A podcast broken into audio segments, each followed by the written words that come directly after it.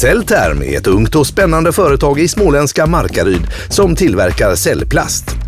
Historien bakom Cellterm är mytomspunnen och en del av det småländska entreprenörskapet.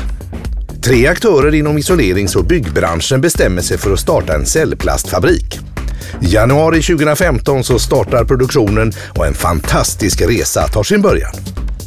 Det förtroende som våra kunder visat oss under de första två åren innebär att vi nu ökar antalet anställda och bygger ut fabriken.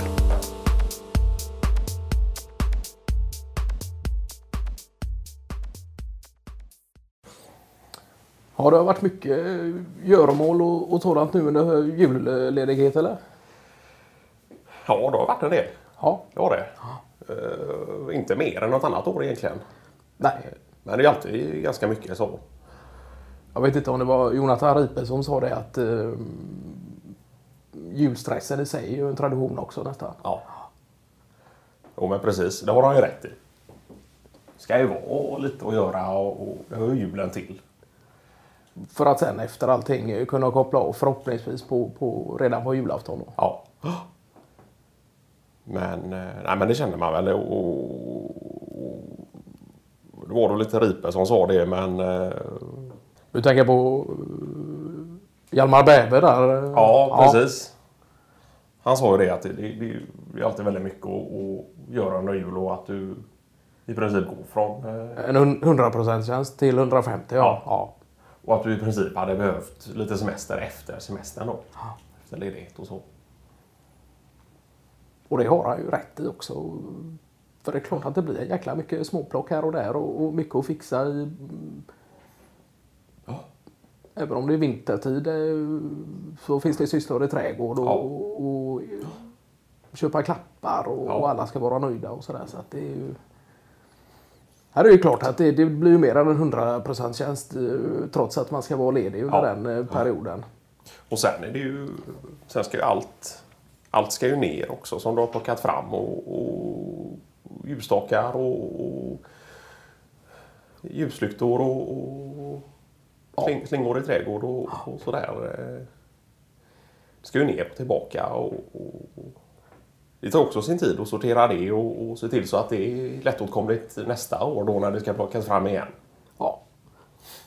Och då vet jag, det är ju, skiljer ju från persona till persona hur, man hanterar eh, just den här traditionsbundna biten med att eh, plocka upp sakerna i rättan tid och, Ja. och, och samtidigt lägga ner dem i rättan tid. eh, Så, helt klart. Det kan man ju se på Mats Härds eh, etenitkåk. Eh, Ja, den har ju på ena sidan eh, någon slags färgglad julbelysning året runt då. ja just det. Och det är ju klart att det kan jag tycka att det kan vara skönt ibland att ha vissa traditioner som kommer en gång per år och så Ja. lämnar man det här efter när de Ja. är slut. eh, Sådär. Att man kanske inte har eh, den typen av julefröjd eh, året runt Nej, eh, precis. på det sättet. Att det ständigt står och blinkar och, och, och det drar ju även lite el och, och sådär många av de här jul... Ja, det är klart att det är ju energikrävande också.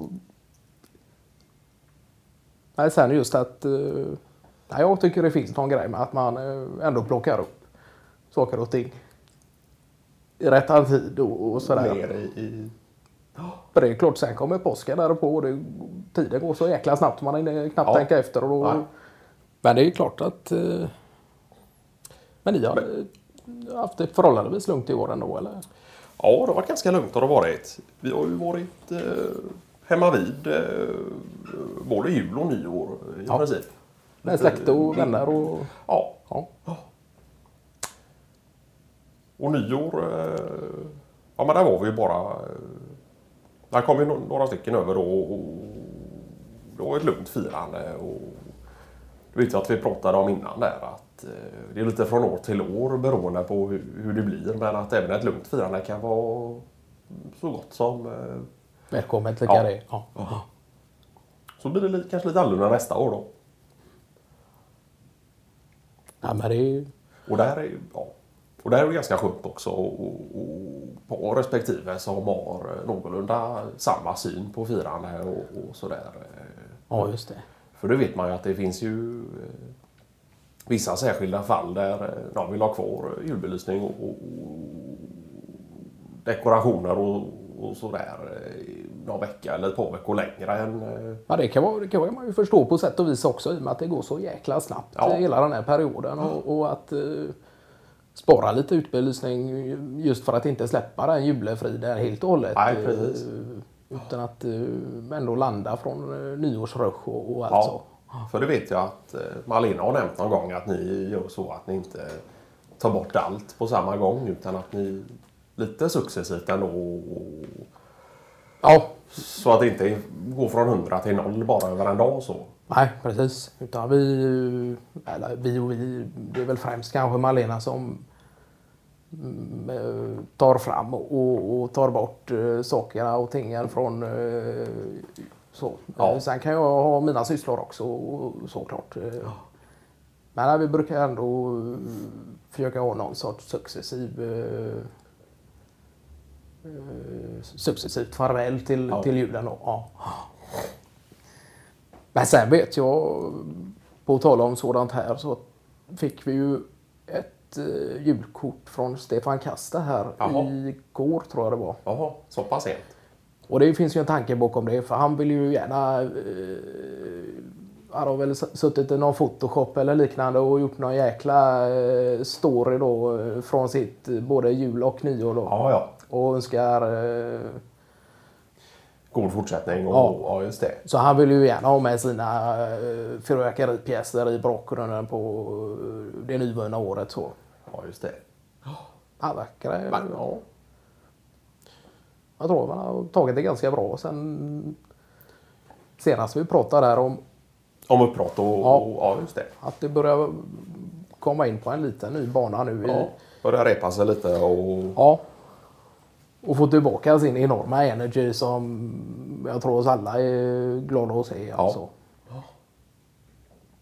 Och det är ju lite skoj också att han väljer att skicka julkort eh, på tre veckor efter sådär. Ja. Eh, Nej, så han är ju klart också ganska bunden och tycker om jul och nyår som Ja. traditioner. Ja. Men att leka med tanken lite att uh, julekortet kan komma i efterhand det är ju, det är ju jäkligt skoj.